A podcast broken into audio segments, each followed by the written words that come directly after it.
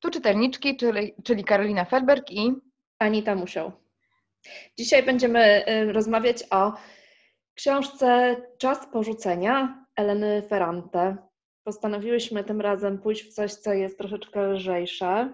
Przynajmniej tak jest postrzegana Ferrante, jako mniej literacka mm, proza od y, tych książek, które ostatnio omawiałyśmy w czytelniczkach i pomyślałyśmy, że może będzie teraz taki moment lepszy właśnie na coś trochę lżejszego, aczkolwiek trudno powiedzieć, żeby książka była jakaś super lekka, zaraz o niej będziemy mówić.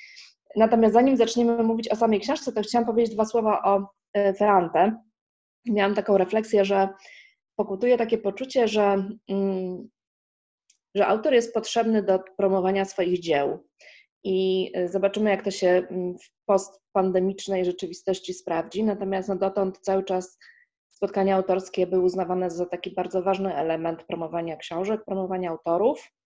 E, I nawet teraz te spotkania się odbywają w sieci, wirtualnie, wiadomo. Ale czy tak naprawdę jest? Bo fenomen Ferrante pokazuje, że tak naprawdę nie musimy ani widzieć autora czy autorki, ani znać, właściwie wiedzieć o tej osobie czegokolwiek, bo właściwie wiemy o niej tylko tyle, że jest Włoszką.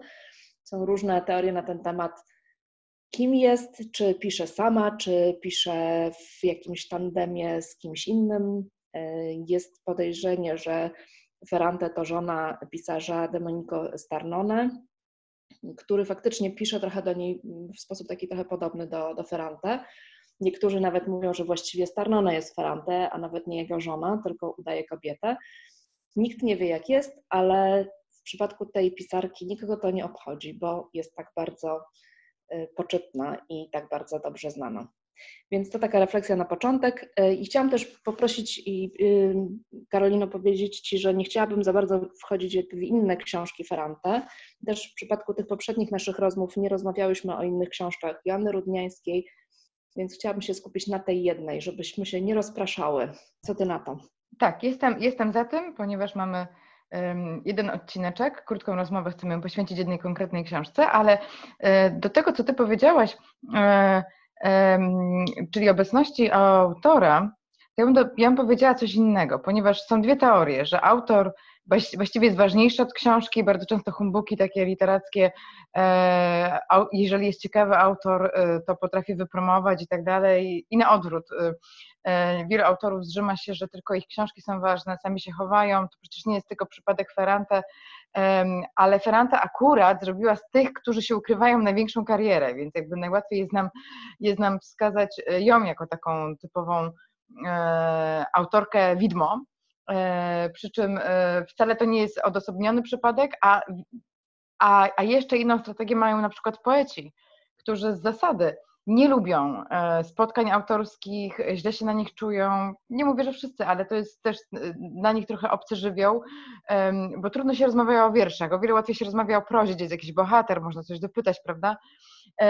I powiedziałabym tak, że, że to nie jest tak, że autor jest potrzebny na spotkanie albo nie jest potrzebny, tylko to jest tak, że autor e, wtedy może liczyć na zainteresowanie czytelnika, kiedy jest zagadką. I teraz tak, jedne osoby są zagadką wtedy, kiedy je widać, bo są ciekawe, charyzmatyczne, coś w sobie niosą, jakąś tajemnicę, coś powiedzą, coś potrafią tak, tak a, a drugie są ciekawe przez to, że, że są niewidoczne, że ich nie ma, że znikają, że się nie uobecniają, że nie pozwalają, że nie pozwalają e, jakby dostąpić do siebie i, i że są nieprzysiadalne jak Świetlickich. Co, może, może ja się trochę odnosiłam do takiego stereotypu, który myślę, że pokutuje na rynku książki. Tutaj trochę mówiłam mnie jak, jako czytelniczka, bardziej jako wydawczyni, że jednak jest takie poczucie, że autor musi być, musi być dostępny, musi udzielać wywiadów, y, musi y, przychodzić właśnie, czy przyjeżdżać, jeżeli mówimy o, o zagranicznych autorach, no to lepiej, żeby przyjechał. Ja widzę nawet y, w tych działaniach promocyjnych, które prowadziłam w moich poprzednich, w poprzednich wydawnictwach, w których pracowałam, czy teraz w pauzie, że to jest bardzo jednak ważny element. I teraz, jak miałam mieć kilka spotkań autorskich, które zostały odwołane przez epidemię, to tak naprawdę widzę, że media zupełnie straciły zainteresowanie tymi autorami, a przecież byli umówieni na przykład na spotkania, na rozmowy z nimi w Warszawie e, czy w innych miastach podczas ich planowanych wizyt. Tak, Więc... tak, wierzę, wierzę, że media nie interesują się autorami, którzy nie przyjeżdżają osobiście, mhm. ale czytelnik myślę, że interesuje się tym autorem, który który wysyła mu, wysyła mu jakąś taką tajemnicę, jakby zagadkę do rozszyfrowania. Czy to jest zagadka właśnie jego obecności, czy nieobecności? Czy to jest Zgadza czy jego braku? Znaczy, mówiłaś właśnie bardziej jako czytelniczka i słusznie, Tak, bo w sumie tak. teraz jesteśmy czytelniczkami, a za mnie czasem ta wydawczyni czasem wyłazi w takich najmniej spodziewanych momentach i właśnie teraz wylazła, ale stłamszam ją z powrotem. Tak. A przechodząc do, do, do samej książki, która jest zaskakująca i może też o niej dwa słowa. E, Cienka, e, skondensowana, czyli zupełnie inna od cyklu neapolitańskiego. A dlaczego? A dlatego, że go poprzedza. To jest książka z 2002 roku, dopiero teraz przetłumaczona i wydana na rynku polskim, ale tak Mhm. naprawdę wcześniejsza od tego, e, co czytelnicy z Ferrante znają. Obojętnie, czy, czy czytali książki, czy oglądali serial. I teraz tak, jak ja ją czytałam, na początku miałam wrażenie, że to jest taka taka wiązka z Ferrante, czyli wszystko to, co u Ferrante jest, czyli kobieta, kobieta porzucona, kobieta e, wykorzystana, kobieta w trudnym momencie, kobieta e, Włochy, e, kobieta, kobieta pisarka, pisarka, która dopiero właściwie negocjuje ze światem możliwość pisania, wszystko to, co u Ferrante jest, tutaj w tej książce też jest. Ty- Tylko, że w takiej dawce mini, chociaż przez to, że, to jest, że tam jest wszystko, to jest to jednak koniec końców bomba e, taki, taki posiłek, gdzie każdego składnika jest, skład, e, ka- każdy składnik jest w minimalnym, w minimalnym zagęszczeniu, ale przez to, że wszystkie te składniki tam są, to mamy taką bombę energetyczno-smakową. E, Więc wydawało mi się, że, to- że ta kondensacja wynika z tego, że tutaj wszystko jest jakby, jakby, jakby w pigułce, a potem sobie dopiero uzmysłowiłam, że właściwie to jest na odwrót. To nie jest tak, że to jest, taki, to jest taka korona, gdzie ona pozbierała różne ważne dla siebie rzeczy i o- okej, a teraz wam dam siebie w wersji skondensowanej, tylko jest na odwrót. To jest jej pierwsza książka, znaczy poprzedzająca te, te, te, o których ja mówię, te, do których się odnoszę, te, w których to potem było rozwijane. Czyli ona na początku rzuciła coś w rodzaju szkicu, scenariusza, tak mogłoby to wyglądać, a potem to rozpisała na całą masę książek, 2000 stron i tak dalej. Więc jakby w tym sensie jest to ciekawy zabieg, że my tę książkę dostajemy właściwie na końcu zamiast na początku, e, bo dzięki temu ci, którzy się rozbudzą e, po tej książce, powiedzą mama wety na więcej, no to rzeczywiście sklep jest bogaty, E, a ci, którzy powiedzą o nie, nie, nie, nie, tyle mi wystarczy, mm, to przynajmniej się nie rozczarują, e, dochodzą do, do, do tego samego wniosku aż po 2000 stron e, tamtego cyklu, prawda? Więc jakby e, to nie jest takie samo, ale to jest, ale to jest tak zrobione, że właściwie taka ferrante w, szkicu do późnej ferrante, bądź ferrante w pigułce, zależy jak to ludzie tam sobie poukładają w głowie. Z tego powodu też, też, też jeżeli ktoś jeszcze nie czytał ferrante, to warto od tej książki zacząć, bo myślę, że po niej będzie wiedział, czy chce więcej i, i, i e, a myślę, że będzie chciał. Właśnie- teraz Ja, ja miałam ogromny problem z tym, że y, miałam wrażenie, że jest potoczysty język, że jest w miarę banalna opowieść, ale też często się spotykamy z banalnymi opowieściami w prozie tak zwanej wyższej. I tak naprawdę co stanowi o tym, że to nie jest proza literacka, że to nie jest książka z wyższej półki? Jest to coś bardzo nieuchwytnego, czego ja zupełnie nie potrafię nazwać i często się z tym też spotykam, wybierając książki do mojego planu wydawniczego w pauzie, że czegoś brakuje. To jest coś takiego właśnie nieuchwytnego, co powoduje, że to nie jest literatura wyższa, tak to powiedzmy, tak, tak to Mhm. nazwijmy. E, I oczywiście brzmi to snobistycznie i często jestem nawet krytykowana za, za taki podział, no ale ja wierzę w taki podział, więc będę tak o nim mówić. I tak naprawdę dlaczego to nie jest literatura wyższa? Co o tym stanowi? Czytamy i czujemy to. Nie wiem, czy ty to też czułaś. Tak, tak, ewidentnie. Y, jak- Czegoś brakuje. To jest taka potrawa, która to jest tak jak, to, no właśnie, to jest tak jakbym zrobiła wspaniały, wspaniały, wspaniałą zupę pomidorową i powiedziałabyś, no dawno tak dobrej nie jadłam. Ale to jest zupa pomidorowa, tak? To, to, to nie jest, e, to nie jest, wiesz, e, mm, krem z migdałów z mlekiem kokosowym polanym Bóg wie czym i jeszcze podanym z chipsami, nie wiem z czego. No właśnie, ale dla, jakby dlaczego nie jest? Co ci, jak to czytasz, to co ci mówi, że nie jest? Wydaje mi się, że te fragmenty, e, kiedy opisane jest jej popadanie w takie szaleństwo już coraz głębsze, są na przykład świetnie napisane i bardzo dobrze oddają taki stan ducha i to jej zagubienie.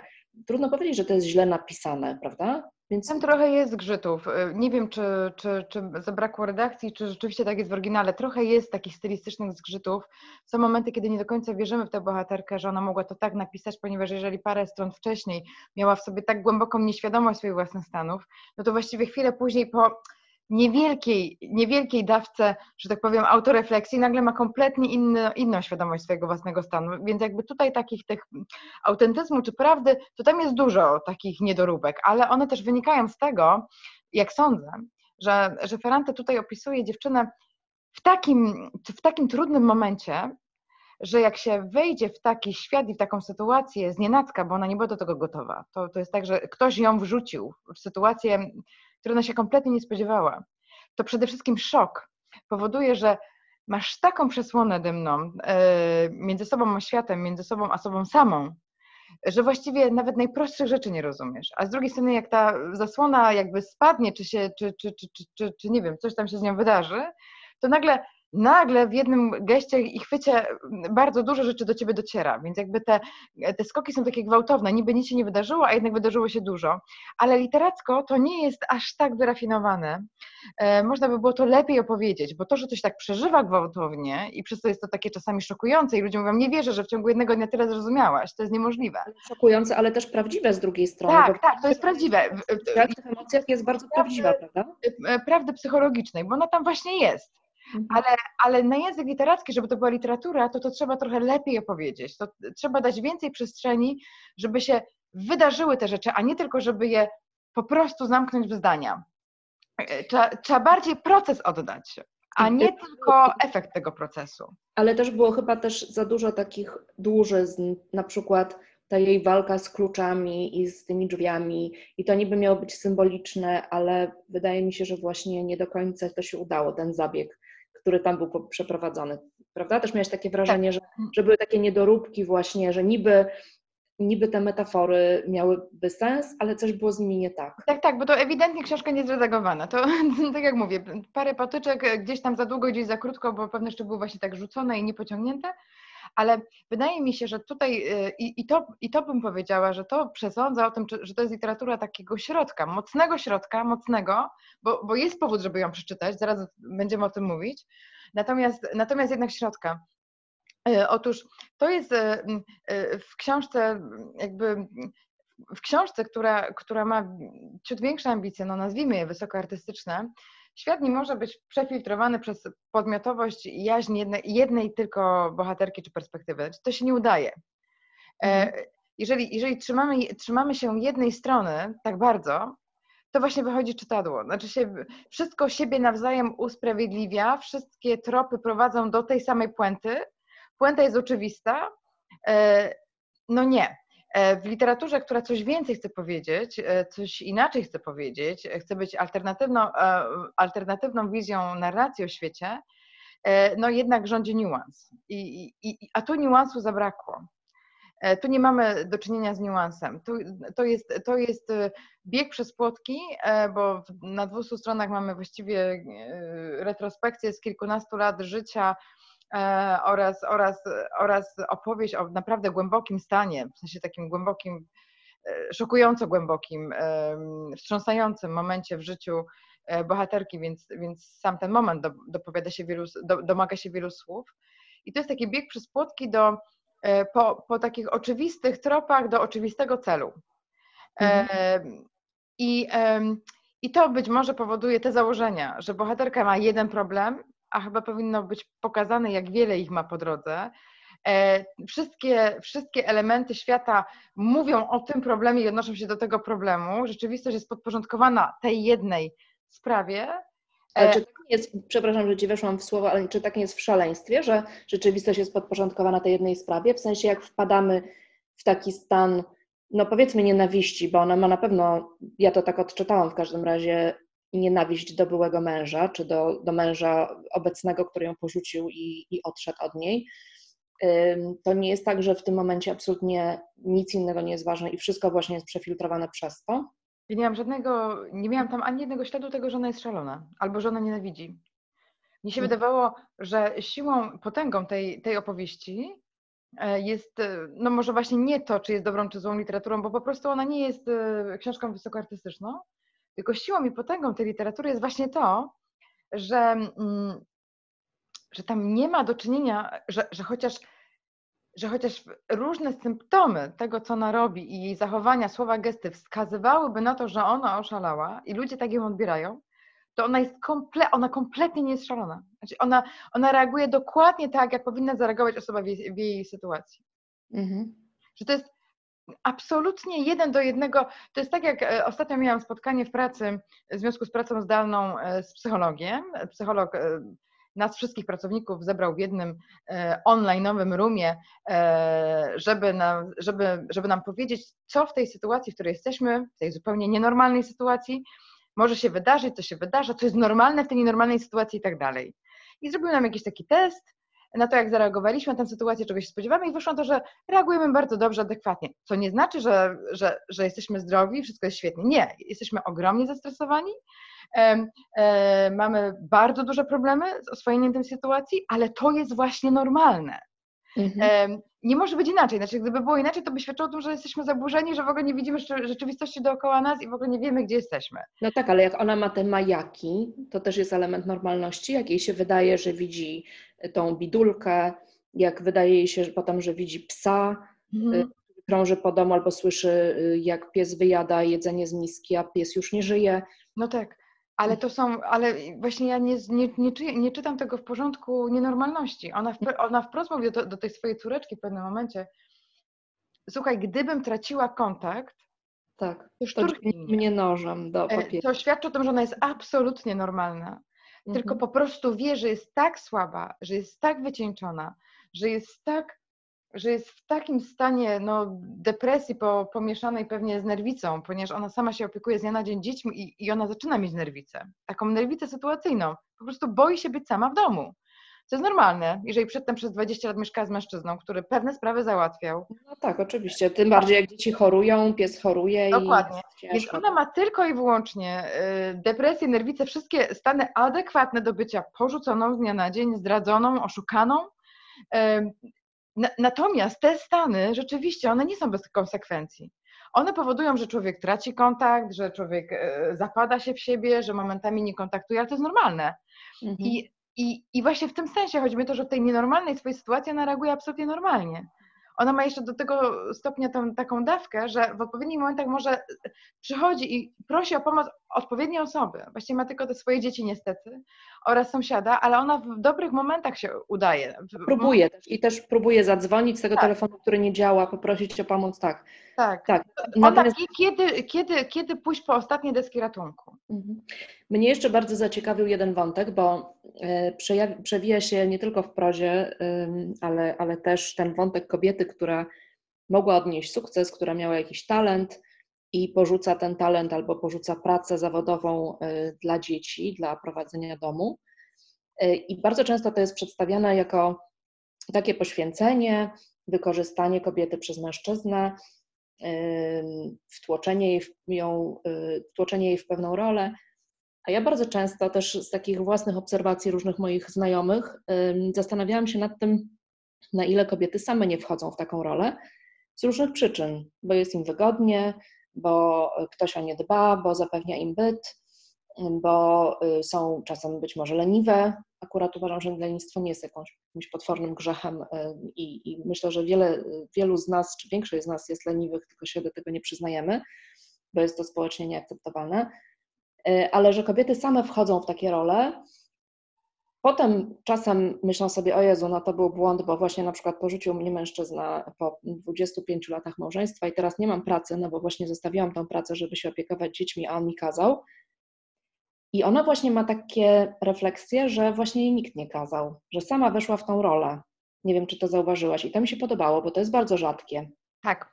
E, I to właśnie bardzo, to jest, to jest silne w tej książce. To jest silne w tej książce, że, że kultura patriarchalna, no włoska kultura, jak i polska i parę innych, no ma ten rdzeń w sobie. Ta kultura wytworzyła te warunki zniewalania kobiet poprzez system ekonomiczno-gospodarczo-domowy, rodzinny, więc to nie jest tylko tak, że jakiś system nas niewala, nas też nasze własne domy potrafią za bardzo zamknąć w pewnej puszce. I to jest prawda. Ta kultura te mechanizmy wytworzyła. Ale pytanie, czy ona je wytworzyła i my z, tymi, z tym, jeśli chcemy im nie podlegać, bo rozumiem też, że możemy chcieć im podlegać, ale jeśli chcemy im nie podlegać, to czy my im stawiamy czoło, czy my traktujemy jak alibi? I tu ewidentnie ta dziewczyna wykorzystała y, tę sytuację, jaką stwarzała jej kultura, to, że mogła się wycofać z życia y, społeczno-zawodowego i skupić na dzieciach po to, żeby móc pisać, bo myślała, że ma tam gdzieś talent, coś jako młoda osoba zrobiła i to był taki taki dla niej znak, że może to jest ta droga, a skoro pieniądze przynosi do domu mąż, to ona może tak trochę z tyłu. No ale co ona zrobiła z tym, że da, dostała tę, tę szansę? No nic, prawda? Więc, tak. jakby, więc jakby rzeczywiście potraktowała to jako alibi. A potem, a potem miała taki moment, wycofała się z niego szybko, ale miała, żeby mówić, no skoro się poświęciłam naszym dzieciom, to teraz ty się poświęć mnie bądź tu, mimo wszystko, no bo ja się poświęciłam dzieciom, prawda? Czyli najpierw wykorzystujemy jakąś sytuację jako alibi, żeby nie robić pewnych rzeczy, a potem jeszcze chcemy to wykorzystać, no bo tak, rzeczywiście, 15 lat poza rynkiem pracy, no tak, a ty mnie zostawiasz, no przecież to twoje dzieci nie będą miały co jeść. I nagle się okazuje, że to jest taka, e, że coś, co było naszym wyborem, nagle może być naszą, e, naszym narzędziem manipulacyjnym w stosunku do drugiej osoby. Chociaż ona wcale E, nie wybierała, to my wybraliśmy. Ale z drugiej strony, co to za wybór w sytuacji, kiedy wybór jest między wychowywaniem dzieci, ewentualnie pisaniem, a wychowaniem dzieci od razu pójścią do pracy i być może gdzieś tam po nocach pisaniem?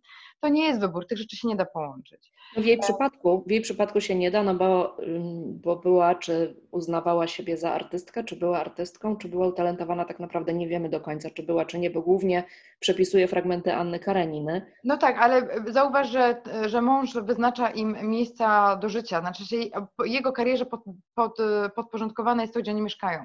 Więc jakby jak rozumiem, jak rozumiem w sytuacji, kiedy on jest mobilny i musi być mobilny, ona też musi być mobilna, ale to oznacza tylko tyle, że ona musi jeździć za nim. Więc to też nie jest dla niej sytuacja, kiedy ona może, kiedy ona jest panią swojego własnego losu i rzeczywiście może swoją karierę e, kształtować, jakby tam sobie chciała i, i, i tak dalej. Ona, ona trochę. Natomiast jest coś takiego w tej książce, i to jest bardzo prawdziwe, że ona ona tę swoją sytuację, w zależności od tego, czy ona jest jej beneficjentką, czy jest jej ofiarą, no różnie widzi. To jest, to jest bardzo życiowe. Ale to też pokazuje, to też pokazuje, że w życiu, w życiu trzeba zawsze myśleć dwa kroki do przodu. Ponieważ mąż może nie odejść do młodszej kobiety, tu w tym wypadku akurat tak było, że zachował się po prostu perfidnie, E, bo mógł odejść, ale mógł odejść inaczej, mógł ją uprzedzić. No mógł odejść też do nikogo, czyli w ogóle po prostu odejść, bo już miał jej dosyć, a mógł na przykład też umrzeć, prawda? I Dokładnie. Wtedy ona nadal byłaby ofiarą, która nie ma kariery i dochodu. No pewnie by odziedziczyła pieniądze i mieszkanie, no więc byłaby o tyle w innej sytuacji, prawda? Zakładając, że je mieli. No, a tak to ma alimenty, bo tam było wspomniane, że, że, że on płacił i pytał, czy to wystarcza i tak dalej w pewnym momencie. Natomiast wydaje mi się, że to jest fajne w tej książce, że ona nie do końca zwala to wszystko na niego, tylko właśnie jest ten element, że weszła w ten układ, bo było też to dla niej wygodne. I to jest tak rzadkie, wydaje mi się, w, we współczesnej prozie. No, to jest, tak jak wspomniałeś, już dość stara książka, mhm. ale rzadko się o tym mówi, rzadko kto się chce przyznać do tego, rzadko jakakolwiek kobieta, nawet w rozmowie takiej prywatnej. Chcę się przyznać do tego, przynajmniej takie jest moje doświadczenie, jak rozmawiam z bardzo wieloma kobietami. Rzadko chcą się do tego przyznać, że wiesz co, było mi łatwiej, siedziałam w domu, mogłam się wyspać, e, mogłam się realizować jako matka, albo mogłam po prostu niewiele robić, albo mogłam gotować, a akurat bardzo lubię gotować, a mąż chodził i za wszystko płacił i zapewniał bezpieczeństwo. Rzadko kiedy ktoś się chce do tego przyznać, więc to jest bardzo ciekawe i nietypowe w tej książce, wydawało mi się. Tak, tak, w ogóle zrobiłeś coś takiego, e, że my jesteśmy trochę zakładniczkami nie swojej narracji i albo udowadniamy wszystkim, że jesteśmy kompletnie niezależni, to jest nieprawdą. Jak można być niezależnym? Ludzie.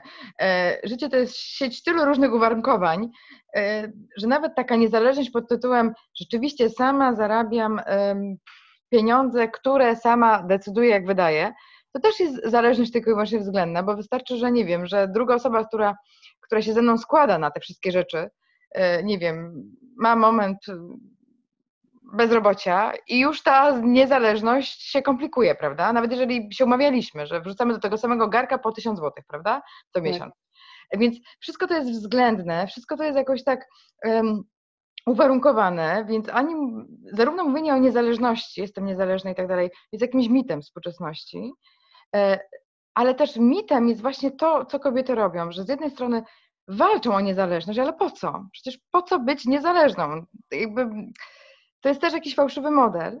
E, jeśli poświęcę tyle energii życiowej, żeby być niezależną, ile ta niezależność wymaga, to po prostu po drodze nie zrobię tysiąca fajnych rzeczy. Tak jest prawda. Lepiej jest zrobić we dwoje, w układzie, w coś, na co się umówimy, co nie jest do końca ani zależnością, ani niezależnością, niż ich nie zrobić, ponieważ cały czas pompuję całą energię życiową w to, żeby być niezależna, czyli żeby, nie wiem, wszystkie pieniądze, którymi mam i dysponuję, były na 100% tylko moje. No tak, e...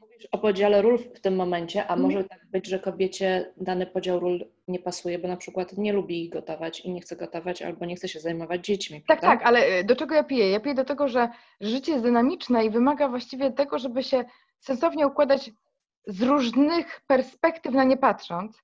Natomiast narracja o tym życiu, które jest skomplikowane i dynamiczne, zawsze jest taka zero-jedynkowa. Mm, robisz błąd, bo jesteś zależna, mm, robisz błąd, bo jesteś niezależna. A to nie jest takie proste. E, I, I też rzeczywiście jest tak, że ja też nie słyszę od kobiet, że niuansują swoją sytuację, że mówią, wiesz, tu w tym miejscu dam mu pole, ale tu w tym ja dominuję, tu w tym jest tak, a tu. Nie. One po prostu przychodzą i mówią, ja to jestem niezależna, albo hmm, jak mi źle, bo jestem kompletnie zależna. A, to, a potem, jak zaczynamy o tym gadać, to, to się okazuje, że ten świat nie jest taki czarno-biały. Tylko z jakiegoś powodu narracja o tym świecie jest taka, że wierzymy w to, że on jest czarno-biały. I jak widzimy, nie wiem, że kobieta przyjęła kogoś prezent, to już uważamy, że ona się właśnie uwikłała w jakąś zależność na przykład, albo coś takiego. Myślimy stereotypami, tak? Dokładnie. Właśnie stereotyp w tej książce pokazany mężczyzny, który po wielu latach fantastycznego związku nagle z niewiadomych przyczyn, ponieważ się starzeje, właściwie chyba tylko dlatego, postanawia uwieść młodszą dziewczynę. Prawda? I też nie tak. do końca jest pokazana druga strona, no bo pewnie i ty i ja przeszłyśmy już tyle w życiu, że wiemy, że każdy związek składa się z dwóch osób i z problemów tych dwóch osób, a nie z jednej osoby i z jednej strony, która wszystko, o wszystkim decyduje i o wszystkim przesądza, tak? Wspomniałaś, że, że, mm, że Mario odszedł w taki niecny sposób i paskudny. Okej, okay, na pewno nie było to miłe i ładne z jego strony, natomiast nie wierzę w to, żeby nie było absolutnie żadnej winy, w tym żony, tak? No widzisz, właśnie i, i, to jest, i to, i to wracamy do punktu wyjścia i być może to jest jakaś puenta naszej rozmowy. Dlaczego to jest w sumie niezbyt dobra literatura? Ponieważ ona wszystko pokazuje z perspektywy jednego bohatera i jakby my nie mamy tej drugiej strony, nie mamy tej opowieści, nie mamy tego niuansu.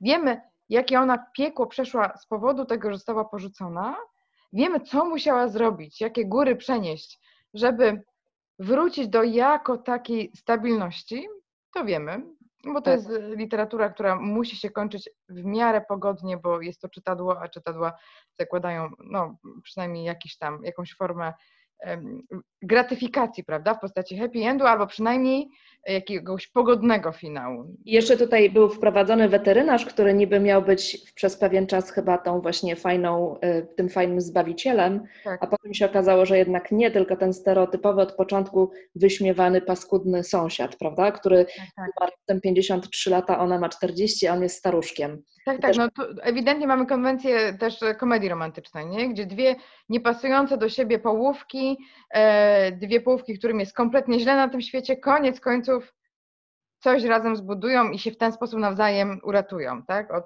On jeszcze jako samotny mężczyzna bardzo chętnie będzie się zajmował jej dziećmi, bo przecież bardzo chętnie je otoczy opieką, no bo na pewno ma niespełnione e, takie mm, pokłady mm, uczuć tacierzyńskich i ma ochotę się kimś zająć, prawda, i zaopiekować, jej ulżyć i to też jest takie właśnie... Tak, tak. Tak, tak, tak, właśnie w tym, w tym tak, to, to, to jest tak, tu jest schemat komedii romantycznej od początku do końca, łącznie z tym, że jest w pewnym momencie ta perypetia pod tytułem um, e, nieporozumienie, prawda, ona go o coś oskarża i przez to nie mogą razem funkcjonować. Tak, razem. i prawa jazdy też jest. Tak, więc, tak. więc jakby tutaj to wszystko, to wszystko jest realizowane w takim popularnym schemacie. Ten schemat przeszkadza, ale to jest właśnie też odpowiedź na Twoje pytanie. Dlaczego, dlaczego my nie wiemy, czemu Mario odszedł tak naprawdę? No dlatego właśnie. Jakby to no, komedia romantyczna czy, czy, czy, czy dramat, e, który się kończy jak komedia romantyczna, no nie zakłada nie zakłada tego zniuansowania, żebyśmy się dowiedzieli co do motywacji wszystkich naokoło, prawda? To Tak. skupienie i, to, i ta masa energii, którą, która została mm, skondensowana jako wypowiedź tej, tego ja, narratorki, prawda, która mówi, e, no, e, zawłaszcza ten świat, jakby tam już nie ma nic więcej, więc jakby e, e, troszkę za mało wiemy o tych dzieciach, no, wydaje nam się, że one to powinny, one to przeżywają oczywiście, ale, ale mało o nich wiemy w sumie. e, Ale też stereotypową macochę, która im się zaczyna podobać, bo przecież jest młodsza, ładniejsza, miła i rzadko się Jasne. pojawia w ich życiu, a nie każe im myć zęby i nie obcina im paznokci y, na co dzień. Jasne.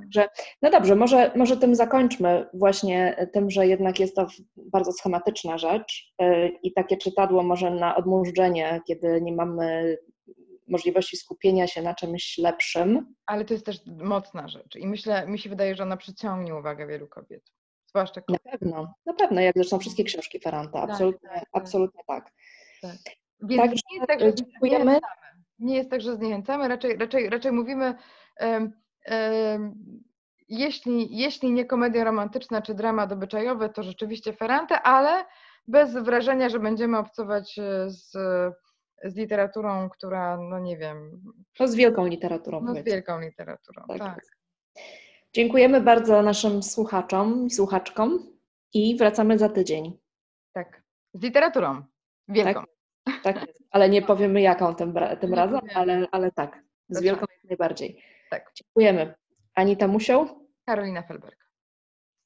czyli czytelniczki. Do widzenia. Do widzenia.